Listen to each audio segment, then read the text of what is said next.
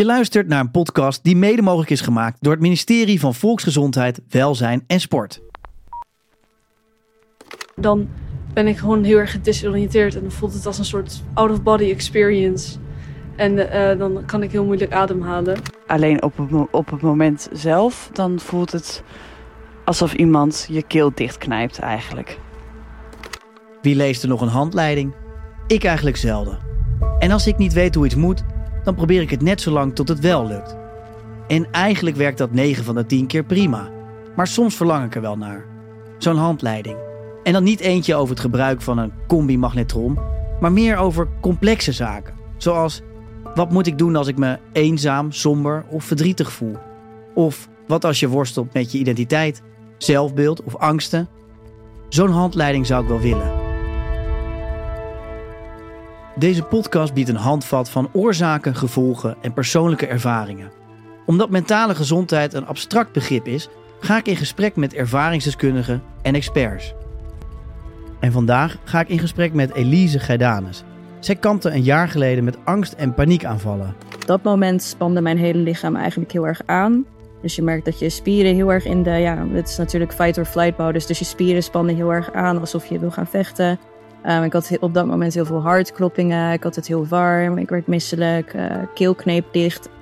Ook praat ik met schrijver en psycholoog Leen Den Divo. Wel, het is niet normaal dat je paniekaanval hebt. Je bent niet abnormaal als je ze wel hebt. Maar het ding is, als je een paniekaanval hebt, wil het al zeggen dat je te ver bent gegaan. Je luistert naar de handleiding tegen angst en paniek. Dan heb ik ook heel erg moeite met uh, ideeën voorstellen in een groep, omdat ik niet echt vertrouwen in mezelf heb daarbij. Ik kan heel angstig worden als ik merk dat er veel van mij verwacht wordt. En dan kan ik het gevoel krijgen alsof ik het niet waar kan maken. Uit wetenschappelijk onderzoek van het RIVM blijkt dat 1 op de 11 jongvolwassenen wel eens last heeft van angst- of paniekaanvallen. Angst en paniek heb je natuurlijk in alle vormen en maten. En het is vaak niet iets losstaands. Het is een gevolg. Het komt ergens vandaan. Bijvoorbeeld kun je in paniek raken door stress, hoge verwachtingen of somberheid, of word je overvallen door angst om te falen, drukke plekken of om sociale contacten aan te gaan. Zelf ben ik ook wel eens angstig geweest en kan ik bijvoorbeeld angstig worden als ik ergens tegenop zie en de druk me soms te groot wordt. Dat ik een, eigenlijk een soort gevoel heb dat ik bang ben om te falen. Elise was 18 jaar oud toen ze haar eerste paniekaanval kreeg. Vanaf toen werden de angsten alleen maar erger. Elise, wat fijn dat ik je spreek. Uh, kan je mij meenemen naar de tijd dat je voor het eerst een paniekaanval kreeg? Nou, dat is ondertussen vijf jaar geleden alweer. En dat gebeurde eigenlijk heel onverwachts in een trein in Duitsland tijdens een vakantie.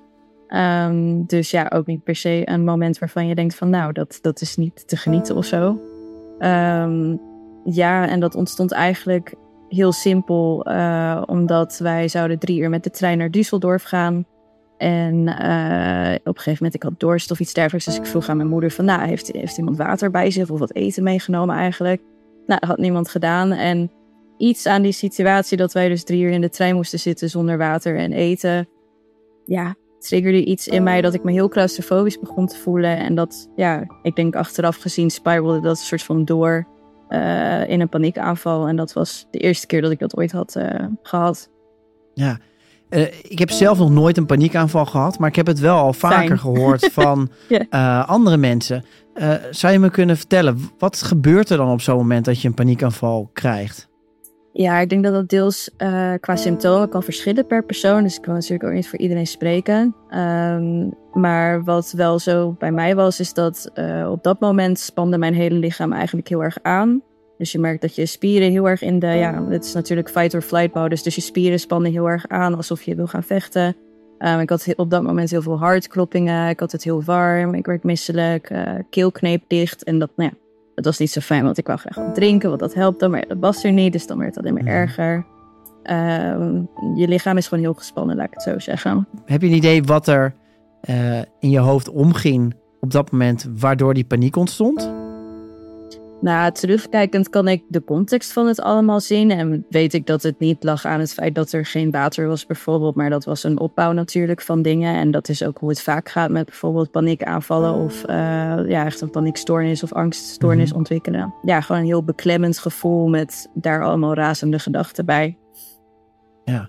En dit is niet je uh, enigste paniekaanval die je hebt gehad. Wat voor angsten heb je, heb je uh, nog meer aan overgehouden? Mm, ik denk dat het bij mij grotendeels uiteindelijk omsloeg in angst voor de angst. En ik denk dat dat iets is wat veel mensen die hier last van hebben herkennen. Um, soms gaat het niet eens om specifieke situaties, maar meer dat wanneer je een paniekaanval hebt ervaren en je bent je bewust van hé, hey, dat was het. Um, dat je niet wil dat dat opnieuw gebeurt. Dus wat er dan vaak gebeurt is dat mensen bang zijn dat ze weer een paniekaanval of een angstaanval in het openbaar zullen gaan hebben. Um, en dat ja, als dat niet verholpen wordt, als je daar geen hulp bij zoekt, dan is het vaak toch dat dat zich verder gaat doorontwikkelen, omdat je daar zelf niet zoveel aan kan doen. En dan krijg je dat je situaties gaat ontwijken, of dat je dus in het openbaar sneller een uh, paniekaanval gaat hebben. En bij mij was het dus vooral in situaties dat ik het gevoel had dat, het, dat ik niet weg zou kunnen. Dus stel je gaat bijvoorbeeld lekker uit eten met vrienden voor iemand zijn verjaardag. Ja, dan weet je van tevoren, oh, maar ik wil daar gewoon graag bij zijn. En ik wil niet zomaar 1, 2, 3 weg. Stel ik voel me rot. Uh, en ja, dat, dat, dat zorgt dan juist weer voor een bepaalde pressure in je hoofd. En zo krijg je dus die angst voor de angst. Dat je eigenlijk situaties al een soort van gaat um, ja, uitpuzzelen in je hoofd voordat het überhaupt gebeurt. Uh, waardoor je uiteindelijk gespannen bent in de situatie zelf. Uh, hoe is dat voor jou dat je al angst krijgt voor iets wat er nog niet heeft plaatsgevonden? Grotendeels vermoeiend was het. Even simpel gezegd van, het is heel vermoeiend om continu, uh, ja gelukkig tegenwoordig niet meer continu, maar toen de tijd wel echt continu het gevoel te hebben van ja, ik wil graag naar deze dingen toe en je wil van graag genieten van het moment en je wil je helemaal niet zorgen maken. Maar omdat, ja, die, het is toch enigszins een lichtelijke traumatische ervaring misschien of zo. Als je zo'n paniekaanval hebt gehad en je wist niet wat je moest doen op zo'n moment en je wist niet wat je overkwam. Dus ja, dat zit dan ook gewoon. Uh, je lijf heeft er ook heel veel mee te maken. En die heeft gewoon het gevoel dat je dus niet veilig bent.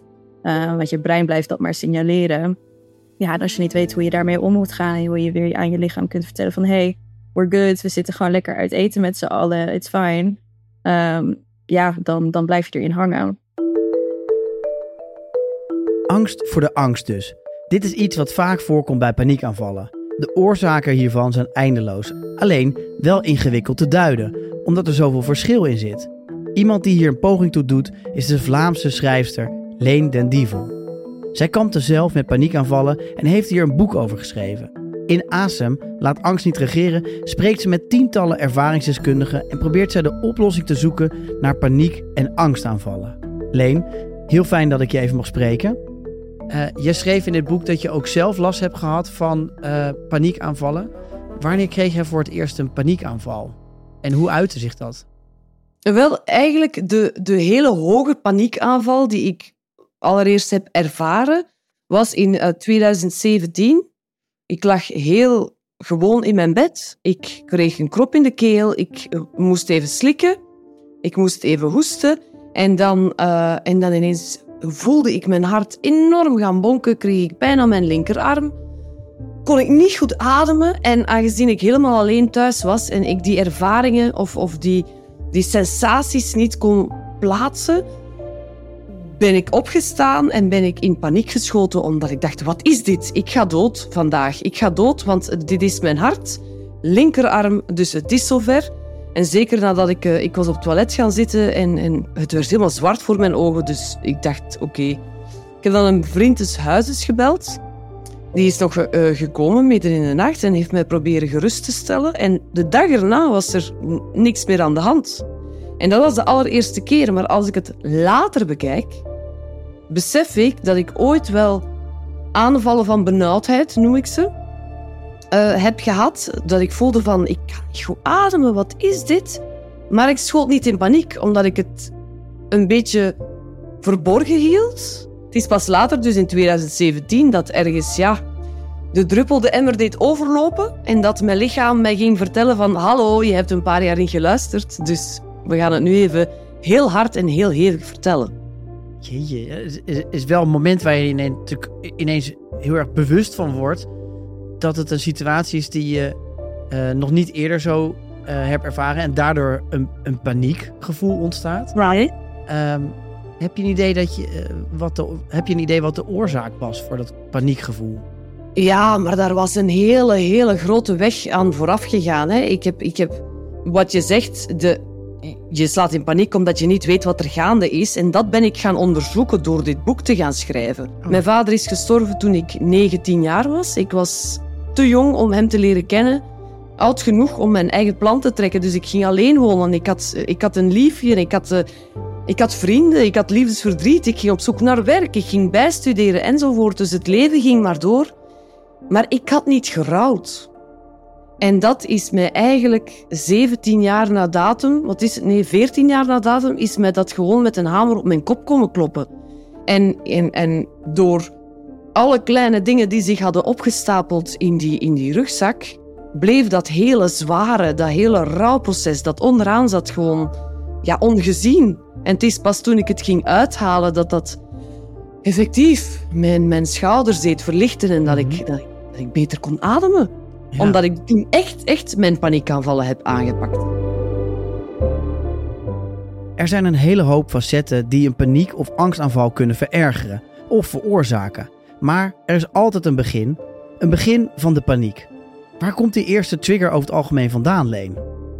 Er moet iets zijn dat ergens die alarmbel is afgegaan. Ja. Maar het kan ook zijn dat je iemand bent verloren in, in de tijd van je leven. Of dat je ontslag hebt gekregen. Of dat er gewoon iets een impact heeft gehad op je zijn. En als dat de oorzaken zijn... Enfin, dat is heel moeilijk vaak om, om, om dat te zien. Net zoals het, ik het onder mijn kartonnetje had in mijn rugzak. Hè. We hebben een heel slim brein. De minder leuke dingen stoppen we heel hard weg achter een deurtje. Maar als dat gewoon op een ploffen staat, dan gaat dat deurtje open en dan begint het serieus te stinken. Dus we moeten, moeten, moeten echt op zoek naar die oorzaak. En als we het niet zelf kunnen, dan moet je het zoals mij doen, naar een psycholoog gaan, een therapeut, een psychiater, wat je nodig hebt op dat moment. Of een buurman of een vriend. Vaak zie je het niet alleen. Ja, en in je boek zoom je ook heel erg in op wat er gebeurt in je hoofd als je last hebt van een paniekaanval. mooi. Wat gebeurt er op het moment dat je een paniekaanval krijgt? Je bent advocaat van de duivel. Hè? Ehm, dus het is zo dat wij eigenlijk op het moment dat we een paniekaanval krijgen, op het moment dat we een aanval krijgen, zijn we heel gezond. Dat is een oerreactie. We hadden dat nodig om te kunnen vechten, te kunnen jagen, tegen een beer te kunnen staan en te weten, oké, we moeten hier vechten, we moeten vluchten of we moeten freezen. Wat gebeurt er dan in ons lichaam? Dan gaat alle energie, alle zuurstof gaat dan naar je spieren om te kunnen vechten, te vluchten of te freezen, want er is een gevaar. Nu, wanneer we een paniekaanval hebben, zijn al die sensaties daar, want je maag doet raar, we hebben geen eten nodig, we moeten dringend naar het toilet, want- dat is ook een last. Alle zuurstof gaat effectief naar je spieren, dus je spieren staan op spanning om in actie te kunnen schieten. Alleen, er is geen oorzaak, er is geen beer. We moeten niet gaan jagen, we ruiken geen rook in huis, dus we moeten niet uit een brandend huis gaan vluchten. Dus je slaat dan in paniek, omdat je denkt, wat is dit allemaal in mijn lichaam? Er is iets aan de hand. Uw hoofd gaat van alles gaan denken. Advocaat van de duivel, je denkt, ik ben ziek, ik ben gek, ik voel hier van alles, ik ga doodgaan, ik ga flauwvallen, ik ga overgeven enzovoort. Waardoor je lichaam gaat denken, zie je wel, er is iets om alert voor te zijn. En dat is een vicieuze cirkel. Dus de enige manier om die paniekaanval eigenlijk on hold te zetten, is heel lief tegen jezelf gaan praten. En zeggen, oké, dat heeft mij heel hard geholpen. Wat gebeurt er in mijn lichaam? Oké, mijn lichaam uit dit. Hoe zou het nu komen? Heb ik slecht geslapen? Wat zou de trigger kunnen zijn? En je gaat dat na slecht geslapen, een slecht gesprek gehad. Goh, is er nog altijd een oorzaak dat ik moet gaan zoeken? Want ik heb dat wel meer aan de hand. En van zodra je eigenlijk die ontspanning en lief tegen jezelf gaat praten, gaat je lichaam vanzelf in ontspanning gaan staan. Mhm. Gaat je lichaam vanzelf gaan denken van, ah, er is eigenlijk niks om bang voor te zijn. Het is oké. En dan wordt het erger en erger en erger. En dat kan dan wel leiden tot een paniekaanval. En dat heb ik wel eens gehad. En dat voelde gewoon een beetje alsof ik heel erg ziek werd. Maar ik schrok er ook wel heel erg van, omdat ik dacht: oh nee, het gaat fysiek bij mij niet goed. Niks om bang voor te zijn. Dat is een fijne mantra om in jezelf te blijven herhalen. Alleen, dat is uiteraard makkelijker gezegd dan gedaan. Want als die angst overheerst in je lichaam, dan is het heel lastig om te relativeren. En niet alleen voor jezelf, want hoe ga je er als omgeving mee om? Elise, hoe was dat bij jou? Wat interessant is bij mij is dat die, die paniekaanval die ik bijvoorbeeld had in de trein.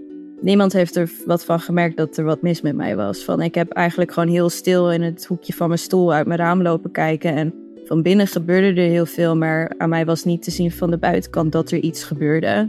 Dus ook als ik op andere momenten in het openbaar was en ik voelde me angstig, hoefden mensen dat op zich niet door te hebben. Van als je echt op me zou letten, dan kon je misschien wel zien dat ik wat nerveuzer was. Of dat ik wat meer water liep te drinken. Of dat ik even naar de wc ging of zo. Ehm, maar het was niet 1, 2, 3 te zien. Maar opnieuw, dat verschilt per persoon. Sommige mensen gaan bijvoorbeeld wel hyperventileren of kokhalzen kan ook. Als je echt heel misselijk of zo wordt. Maar dat had ik niet. Dus uh, ja, reacties waren er in, in het eerste instantie niet. Van iemand zag het aan mij. Ja. Toen het jou voor het eerst overkwam, ja. um, was je erdoor uh, verrast dat, dat, dat je een paniekaanval kreeg? Of had je het gevoel dat, dat dit al een, een tijdje speelde? Mm, nou, op het moment zelf in, in de trein, zeg maar, had ik uh, geen idee wat er gebeurde, om eerlijk te zijn. Want het was gewoon, mijn lichaam deed in één keer allemaal heftige dingen waar ik geen idee had waar dat vandaan kwam.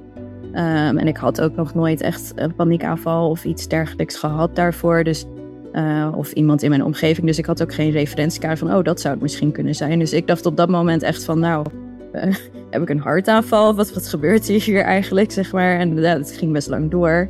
Dus toen maakte ik me wel zorgen. En um, ja, als ik nu terugkijk, het, het, was een opbouw. Ik zat toen de tijd in mijn uh, HAVO-examenperiode en dat was heel spannend voor mij toen. En uh, ik merkte dat vanuit thuis kwam er best wel veel pressure bij kijken, dat ik ja, wel echt moest slagen. En uh, ik wou heel graag communicatie gaan studeren op dat punt. Er zijn heel veel onzekere factoren. Um, dus ik denk dat als, als je daarop terugkijkt, kun je heel duidelijk zien van, oh ja, er was wel een opbouw. Want die vakantie die was heel vlak voor die, hoe heet dat, tentamenperiode. Maar ja, op dat moment had ik dat niet zo erg door voor mezelf. Dat ik blijkbaar met zoveel stress en nervositeit kampte. Dat zich dat op die manier heeft geuit. Op welke manier heeft het uh, invloed gehad op je sociale leven? Als je uh, het spannend vindt nee. om naar bepaalde situaties toe te gaan. Wat voor impact heeft het dan op, op je sociale leven? Ja, best veel. In het begin werd mijn wereld er wel echt kleiner van. Ik had toen dat ik omdat ik die angst voor de angst had en ik had nog geen hulp gezocht op dat punt. En ik had ook nog niet aan heel veel vrienden verteld. Merkte ik wel dat ik situaties begon te ontwijken om mezelf een soort van comfortabel te houden. Um, en dat is nou net wat je dus niet moet gaan doen, want zo creëer je nog meer angst voor angst. Want je maakt de drempel voor jezelf steeds hoger om naar dingen toe te gaan. Um, maar ik merkte wel dat dat zeker impact had op mijn sociale leven. Dat of ik ging niet, of als ik wel ging, dan moest ik of even helemaal ja, wennen aan daar zijn en met mezelf mentaal uit die plek halen. Uh, mm-hmm. Of van tevoren echt een beetje nerveus zijn en dat soort Dus ja, je, je zit wel anders in, uh, in het moment dan de algemene persoon, zeg maar. Ja. Hoe ga je daarmee om? Uh, ja, ondertussen zijn we natuurlijk vijf jaar verder gelukkig en heb ik heel veel dingen erover geleerd en heb ik uiteindelijk wel hulp gezocht en praat ik er ook nou, ja, veel over. Daarom zit ik hier.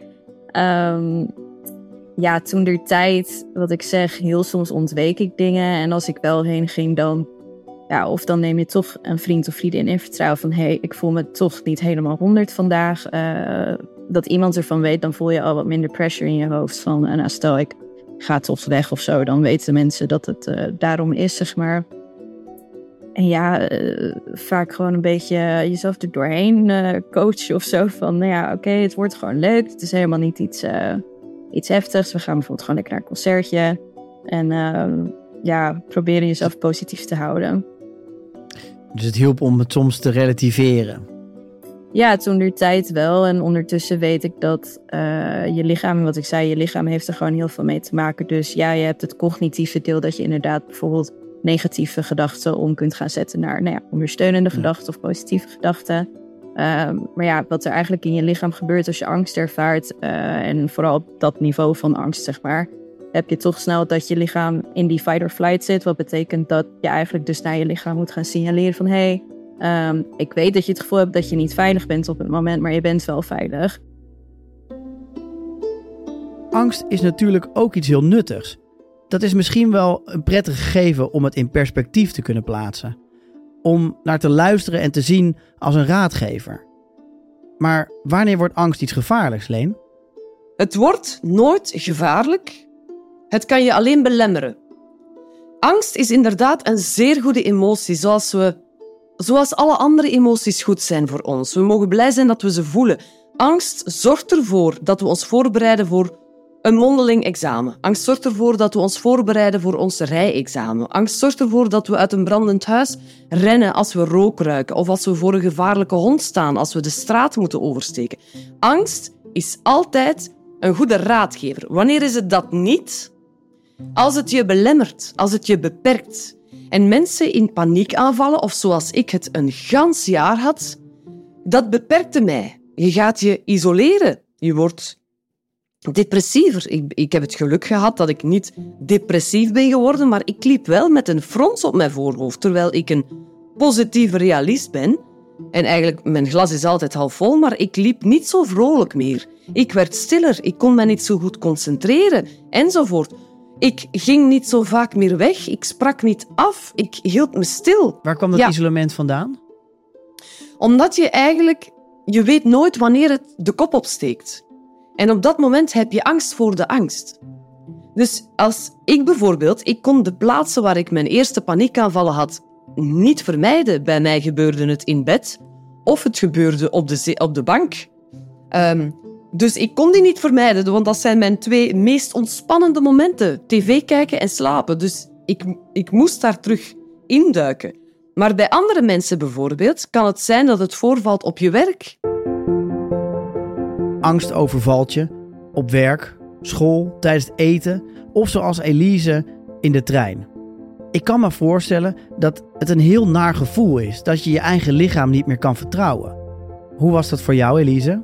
Ja, moeilijk soms, want je moet jezelf dat heel bewust gaan aanleren. En eh, kijk, ons lichaam heeft dat, dat, dat fight-or-flight systeem. eh, als je kijkt naar de primitieve oertijden, dan was dat gewoon om ons te beschermen natuurlijk. Van, nou ja, stel er is een beer of een tijger en eh, je moet rennen bij wijze van, ja, dan is het heel handig dat je dat systeem hebt. Maar goed, tegenwoordig eh, hebben wij niet echt meer beren of tijgers om de hoek. Hangt ervan af waar je woont, maar eh, dat is niet zeg maar relevant meer. Maar ja, we hebben tegenwoordig wel een, een hele, ja, hoe zeg je dat, overprikkelende maatschappij, social media, alles wat erbij komt kijken.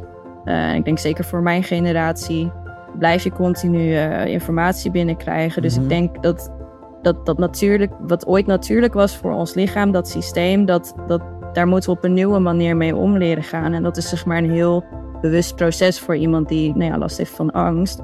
Ehm, maar ik denk dat het voor iedereen goed zou zijn om daar eigenlijk meer over te leren. Want we leven gewoon in een wereld waarbij eh, het heel belangrijk is om te blijven verbinden aan je lichaam en te weten van hé, hey, ehm, we krijgen die prikkels binnen.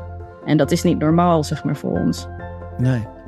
Ehm, kon je er met vrienden over praten? Of, of eh, geeft het gevoel dat je de, de enige bent die met deze problemen rondlopen ook een gevoel van eenzaamheid? Ja, in het begin wel, omdat ik gewoon heel erg me, ja, ik wil niet zeggen per se schaamde, maar ook weer deels wel. Van, ik vond het gewoon heel moeilijk om het zelf te verwoorden, want ik wist van ja, voordat ik dit ooit had ervaren, had ik het waarschijnlijk ook niet helemaal begrepen als iemand het aan mij had uitgelegd. Of je kunt je nooit volledig voorstellen van hé, hey, hoe voelt dat nou echt? Dus ja, dat is toch wel een beetje een drempel om het aan mensen te vertellen. En dan zit er toch een klein stukje schaamte in van ja, als ik bijvoorbeeld naar een restaurant ging, vond ik het heel fijn om bijvoorbeeld buiten te zitten in plaats van binnen, want dan kreeg ik minder dat claustrofobische gevoel. Ehm, en ja, dat is moeilijk aan mensen uit te leggen, want ja, willen mensen daar rekening mee houden? Moeten ze daar eigenlijk rekening mee houden? Want het is misschien ook beter voor jezelf om die exposure therapie te doen en wel binnen te gaan zitten. Maar ik had Voel je dan wel- bezwaard om, eh, om eh, dat anderen rekening moeten houden met, met jou? Ja, toen der tijd wel heel erg. Van, eh, sowieso voelde ik me ook bezwaard tegenover mezelf dat ik er rekening mee moest houden. Ik vond het gewoon stom dat ik ermee rondliep. Dan pieker ik ergens over en dan slaap ik weinig en dan eet ik niet goed en dan geen zin meer om leuke dingen te doen. En dan ga ik alleen maar liggen en hangen en heel veel nadenken en focussen op die angsten. Een gebalanceerde relatie met je brein en je lichaam. Dat kan leiden tot een ingewikkeld conflict met jezelf. En misschien kan het ook leiden tot sociaal isolement. Leen, voelde jij je in de tijd dat jij zelf last had van paniekaanvallen wel eens eenzaam? Ik heb mij een heel jaar enorm eenzaam gevoeld, omdat ik dacht dat ik de enige was. Ik dacht dat ik de enige was die dit doormaakte. Ik had er nog nooit van gehoord. Ik ben opgeleid als consulente in de psychologie en angstaanvallen, paniekaanvallen, is echt amper aangeraakt tijdens mijn opleiding. Dus ik moest het zelf gaan onderzoeken. Maar omdat ik iemand ben die het hart op mijn tong heeft en ik mezelf ging uitleggen van kijk, als ik wat stiller ben, als ik wat minder geconcentreerd ben, als je mij niet zo vaak ziet of ik zeg iets af, ik heb blijkbaar paniekaanvallen. En hoe meer ik dat vertelde tegen mensen, hoe meer mensen zeiden ik ook. Of mijn tante heeft dat. Ik heb er al over gehoord. Ik denk dat mijn klein broertje dat heeft. Ik denk als jij het nu zo omschrijft, dat ik dat misschien ook al gehad heb. En ik dacht, oh, ik ben niet alleen. Dus ik schreef het boek niet voor mezelf, ik schreef het voor heel veel mensen. En blijkt nu, zoveel jaren later, dat er meer dan 25.000 mensen daar ook mee zitten. Terwijl je denkt dat je helemaal alleen bent. Er zijn heel veel mensen die heel eenzaam, zich heel eenzaam voelen met dat gevoel, omdat ze denken ik ben abnormaal. Heeft het schrijven van het boek jou ook heel erg geholpen met het verwerkingsproces door het probleem inzichtelijk te maken voor jezelf en voor anderen, maar ook om hiermee te leren leven? Zeer. Het heeft mij helpen uh, rationaliseren, weten wat er juist gebeurt. Want ik hou wel van kennis. Kennis kan je echt heel goed vooruit helpen bij uh, zaken. Het heeft mij de duw gegeven om op zoek te gaan naar mijn oorzaak. Het heeft mij de duw gegeven om mijn leven ietsje aangenamer te maken en niet meer te leven volgens mijn agenda. Het leven is gewoon echt te kort. Ik moet blijkbaar mijn batterij helemaal laten opladen vooraleer ik kan presteren. En mhm. ik moet altijd presteren, want ik ben altijd voor een groot publiek als actrice en als schrijfster. Um, het heeft mij de dingen leren benoemen. En ja, elke keer als ik het schreef na een hoofdstuk of na een, soms na een zin, moest ik het ook even wegleggen, omdat het heel confronterend was. Maar het heeft zo helend geholpen. En ik, ik merk mensen die mijn boeken lezen, dat ze eerst in de eerste instantie wat bang zijn om het te lezen, omdat ze denken, oh, het gaat zoveel naar boven brengen en, en het gaat me confronteren en ik ga het dan voelen enzovoort. Ja, maar hoe verder je komt, hoe meer je het gevoel gaat hebben van, amai, als ik het dicht sla, dan kan ik effectief even die borstkas opentrekken en asemen, mm ademen. Uh, ik, ik, sprak in deze aflevering met Elise en zij heeft uh, last van paniekaanvallen gehad. En zij is er nu uh, heel open over. Um, jij bent er ook open over. hoe ga je hiermee om? Hoe kun je mee leren leven met de paniekaanvallen? Ah, ik ben zeer blij dat je dat zegt, leren mee leven. Want mensen vragen mij heel vaak, ben je er vanaf? En dan zeg ik van, het is als een hond die in mijn leven is gekomen. Die hond was daar en ik ben daarmee gaan wandelen. Maar die hond was zelf aan het trekken, zelf aan het bepalen waar ik heen ging, hoe lang ik uh, ging wandelen, hoe snel ik ging wandelen, waar we gingen wandelen enzovoort. En op een bepaald moment heb ik die hond naast mij genomen, zijnde angst, en heb ik zelf mijn wandelpad bepaald. Maar ben ik altijd blijven rekening houden met de hond. Namelijk, als die hond even zijn behoefte moet doen, dan stoppen we even. Als die hond nood heeft aan een aaitje, dan ga ik die aaien. Als die hond honger of dorst heeft, hoor zelfzorg, hè, tussen haakjes, dan doe ik dat. Dus ik zorg heel goed voor mezelf, voor die hond. En die zal er altijd zijn. Ik weet, ik ben vatbaarder daarvoor. Dus ik heb geleerd dat het oké is om angst te voelen. Ik heb zelfs geleerd dat het mij meer goed dan kwaad heeft gedaan. Ja, mooie, mooie metafoor. En eh, ik denk ook heel uh, behulpzaam om ermee uh, te leren leven.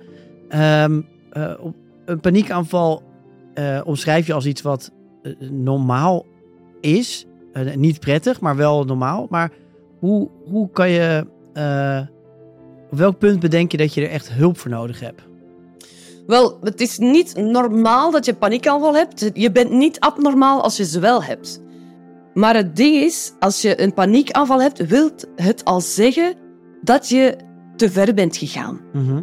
En eerlijk, als we echt kijken naar onszelf, dan zien we die signalen die er al geweest zijn. Kleine signalen, maar ze zijn er wel. Af en toe is zuchten van, oh nee, moet ik dit weer gaan presteren? En oh nee, wat, wat is dat? En ik kan niet zo goed ademen. Hele kleine, kleine symptomen die ervoor zorgen dat jouw lichaam wel degelijk iets tegen jou aan het vertellen is. Alleen je negeert ze vaak, omdat het leven is gewoon heel druk. Er moet gewoon heel veel. En wij denken allemaal, we moeten de beste zijn, we moeten, we moeten dat doen, we moeten dat doen, we moeten... Ja, het is een prestatiegerichte maatschappij geworden, dus we denken in alles de beste te zijn. Uh, activeert die faalangst heel erg weer. En raak ik heel erg, heb ik niet echt vertrouwen in wat ik zelf kan. Uh, alleen op het moment zelf wil ik daar niet over praten, want dan uh, kan ik het totaal niet meer relativeren. en dat kan heel eng zijn. Dat ik, dan ga je eigenlijk van angst naar angst. En dat is heel ingewikkeld. Het is dus niet iets geks en iets wat je bij je draagt. Alleen, je hebt wel handvaten nodig om ervoor te zorgen dat die ballast niet te zwaar wordt en dat je brein en lichaam overneemt. Elise, jij hebt hulp gezocht. Wat leerde jij bij die therapie? Ik heb eerst cognitieve therapie gehad. Dus dat is eigenlijk een beetje wat ik zei. Van dan ga je heel erg kijken naar: oké, maar wat voor situaties triggeren jou dan bijvoorbeeld? Wat zijn de patronen daarin? Uh, wat voor gedachten heb je dan dus vooral op de momenten dat je angstig bent? Um, en dan ga je daar eigenlijk een soort van bewustwording omheen creëren. En Mhm. proberen die gedachten om te gaan zetten naar uh, iets meer positiefs of hulpvol. En dat doe je vaak dan in combinatie ook met exposure therapie. Dus dat je wel echt naar situaties gaat die je bijvoorbeeld eng vindt. En dat je dan daar op dat moment, uh, ja, hoe zeg je dat, die gedachten merkt van, oh ja, oké, nu komen die gedachten omhoog. Hoe ga ik dat omzetten? Je moet je weer kunnen uh, vertrouwd voelen met je lichaam. Um, maar ook Ja. rekening houden met wat je lichaam op dat moment aan kan. En dat het dus wel Ja. in, een, in een situatie moet zijn waarin je dus je veilig voelt. Ja, het is Uh, meer dat zodat die gedachten zo kloppen. Ja. Je kunt beter exposure therapie eerst doen en dan met het lichaam oefenen. En dan daarna de gedachten, zeg maar, dat is het meer. Want je moet niet situaties gaan ontwijken, dat is sowieso niet goed. Maar als je die exposure therapie doet, let eerst op je lichaam en hoe kan je je lichaam comfortabel doen voelen. Dan daarna kun je kijken naar wat voor gedachten er spelen. Het klinkt wel alsof je eh, nu ontzettend goed kan relativeren. Is dat iets wat je juist door therapie hebt geleerd? Of is dat iets wat je daarvoor ook al wel kon?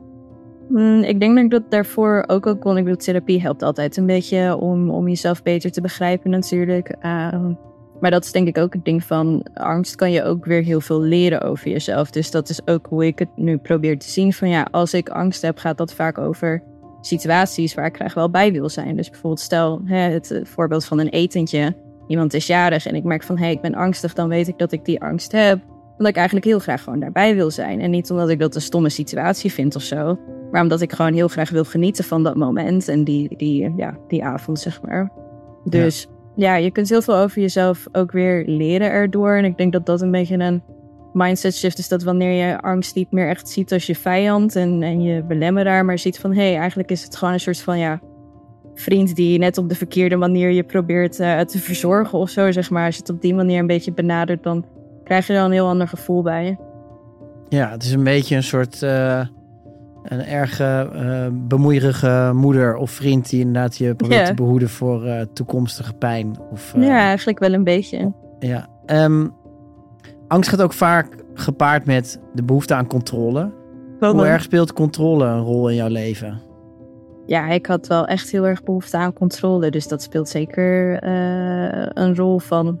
Eh, wat ik zeg, die, die opbouw die er als eerste was voor mijn eerste paniekaanval aan. Dat had natuurlijk heel erg te maken met het feit dat ik geen controle had over. Ja, ga ik dus wel of niet toegelaten worden tot een communicatiestudie? Ga ik die tentamens halen? Ehm, ik denk wel dat als je gevoeliger bent voor controle willen hebben, dat je dan ook gevoeliger bent voor eh, ja, angst krijgen. Kun je die controle nu beter loslaten? Ja, op zich. Ik merkte wel deze zomer van ik was afgestudeerd dit jaar. En ik merkte van oké, nieuw chapter, nieuw me. eh komen nieuwe eh, dingen aan als het ware. En dan heb je natuurlijk eh, in één keer het soort van ja, dat noemen ze tegenwoordig het afstudeergat volgens mij. Maar dat je ja, gewoon een beetje afwacht van nou, wat gaat er komen in mijn leven nu, zeg maar.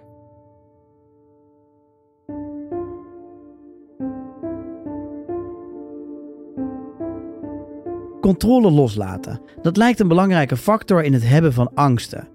Wat ook belangrijk lijkt, is hoe je vroeger in je kindertijd met angsten omging. En hoe je ouders hiermee omgingen.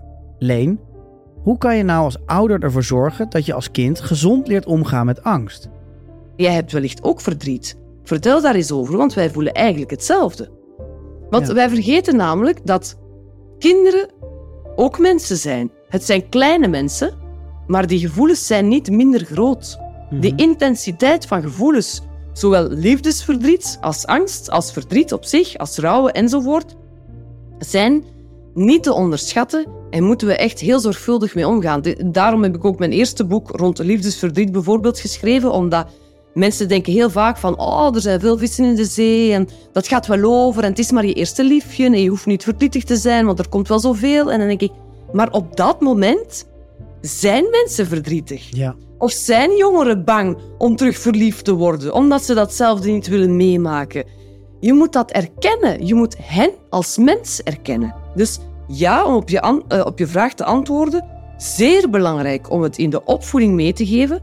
Al weet ik ook dat de zorgende factor, zijn het de ouders of maakt niet uit wie je dan opvoedt, soms misschien ook onkundig zijn en niet meteen de woorden hebben om dat uit te spreken. En dan is het aan de leerkracht misschien om de juiste boeken aan te reiken of het juiste gesprek aan te gaan. Het is dan aan een tante of aan een vriend of... Ik zeg altijd, ik heb zelf geen kinderen en ik zeg altijd, ik voed heel veel kinderen op. op mijn manier. Ja, je, je probeert er eh, met jouw openheid dit bespreekbaar te maken. Hoe komt het dat er nog zo'n taboe op dit onderwerp heerst? Wij, gaan, wij kunnen moeilijk om met ah, ah, lastige eh, emoties. Wij kunnen daar moeilijk mee om. Waarom? Omdat wij eigenlijk niet goed weten hoe, daar, hoe we daarmee moeten omgaan. Ja, wat moeten we dan zeggen? Wat moeten we dan doen? Hoe moeten we die dan troosten? Oh, en ik heb ook zoveel te doen. En terwijl eigenlijk hoef je niet veel te doen. Gewoon tijd geven, stilzitten en zeggen: Ik ben er voor jou. Hoe komt het dat we zo slecht zijn in de andere mensen troosten? Ja, wel, omdat wij slecht zijn en de andere mensen troosten, denken wij, als wij verdrietig zijn, als wij angstig zijn, gaan we die andere mensen daar niet mee lastigvallen, want zij zijn ook zo... ze- Zij vinden het ook moeilijk om mij te troosten. Terwijl troost kan in zoveel zitten. Het kan in een sms'je zitten, in een post-it zitten, in gewoon even naast iemand gaan zitten, een schouderklopje geven. Of zeggen, ik zie je. Ik zie dat je bang bent. Ik zie dat je verdrietig bent. Ik zie dat. En een heel belangrijke om daar, daar aan te sluiten eh, is mensen met paniekaanvallen bijvoorbeeld. Wat moeten omstaanders doen?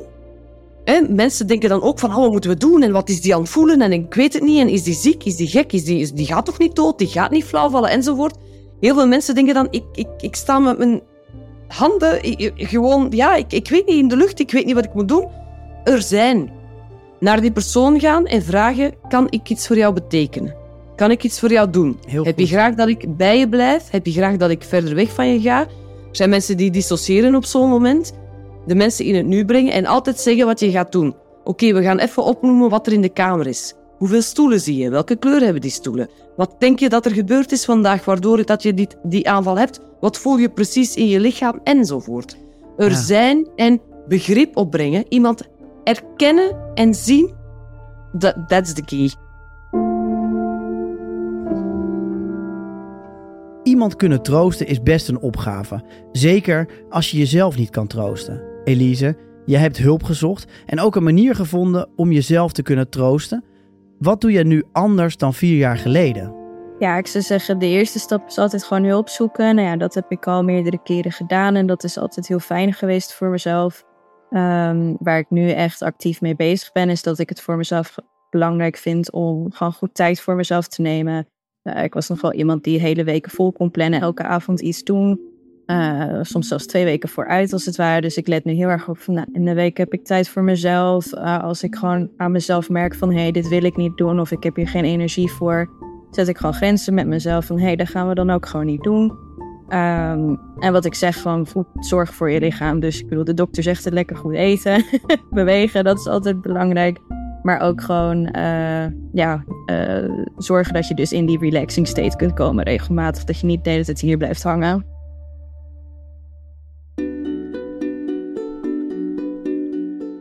Je energie goed verdelen en goed voor jezelf zorgen. Maar hoe kun je dit in praktijk brengen?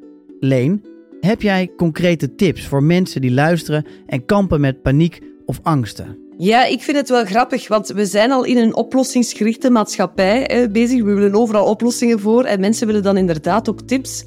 Uh, ik ga beginnen al met uh, een kleine tip. Stel, je bent onderweg en je hebt een paniekaanval. Zing een lied waarvan je denkt dat je de tekst kent. Ik zeg maar iets. Oya Lele van K3 of het, het, het, het, het volkslied. Nederlands, het, het Nederlandse volkslied. Iedereen denkt dat dan te kennen. Waarom is dat? Omdat je je dan kan focussen op iets wat buiten je angst ligt. En terwijl je zingt, gaat je ademhaling ook echt goed gaan staan. Automatisch. Nu, uh, ga op zoek naar de trigger. Ga op zoek naar de oorzaak. Lees u in, of hoor wat ik vertel. Wat is dat precies wat er in mijn lichaam gebeurt om het te rationaliseren? Maar wat er heel belangrijk is, en die, die vier tips staan ook in mijn boek, die kosten niks. Die zijn gratis en we kunnen het allemaal. Als wij baby zijn, kunnen we zo mooi ademen. En dat buikje gaat dan op en neer. Maar door dat zware gewicht van die rugzak in je leven, doorheen je leven, gaan we meer hier gaan ademen met de borstkas. En gaan we hoog gaan ademen. En dat is geen goed idee. Dus wat moeten we leren is één keer door de neus langzaam inademen, het ophouden, even een paar seconden, zodat alle goede cellen van die zuurstof zich kunnen verspreiden. En dan uitademen, zes à zeven tellen door de mond. Dat herhalen, herhalen, herhalen. Je hebt daar ook tijd voor nodig. Als je vol in een paniekaanval zit, gaat dat niet meteen helpen. Wat kan ook helpen? De deur uitgaan en wandelen. Wij stapelen op het moment van een paniekaanval stapelen wij zuurstof en energie op. Ja, die energie moet eruit. En aangezien wij niet moeten vluchten voor een hond of een beer of een brandend huis, moeten wij wel dat in gang zetten. Dus stap de deur uit, ga wandelen. Spring touwtje. Uh, ga even hula hoepen. Enfin, ren even, beweeg.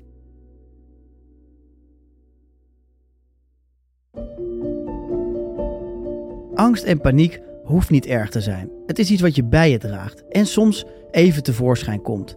Dat is zelfs prettig, want het kan ook helpen of beschermen in bepaalde situaties. Maar als het je plotseling overvalt op een totaal onverwachts moment en je er geen controle over hebt, dan verbreekt deze angst de verbinding tussen lichaam en geest. En die disbalans kan waanzinnig overmeesteren en daarmee dus de overhand bepalen.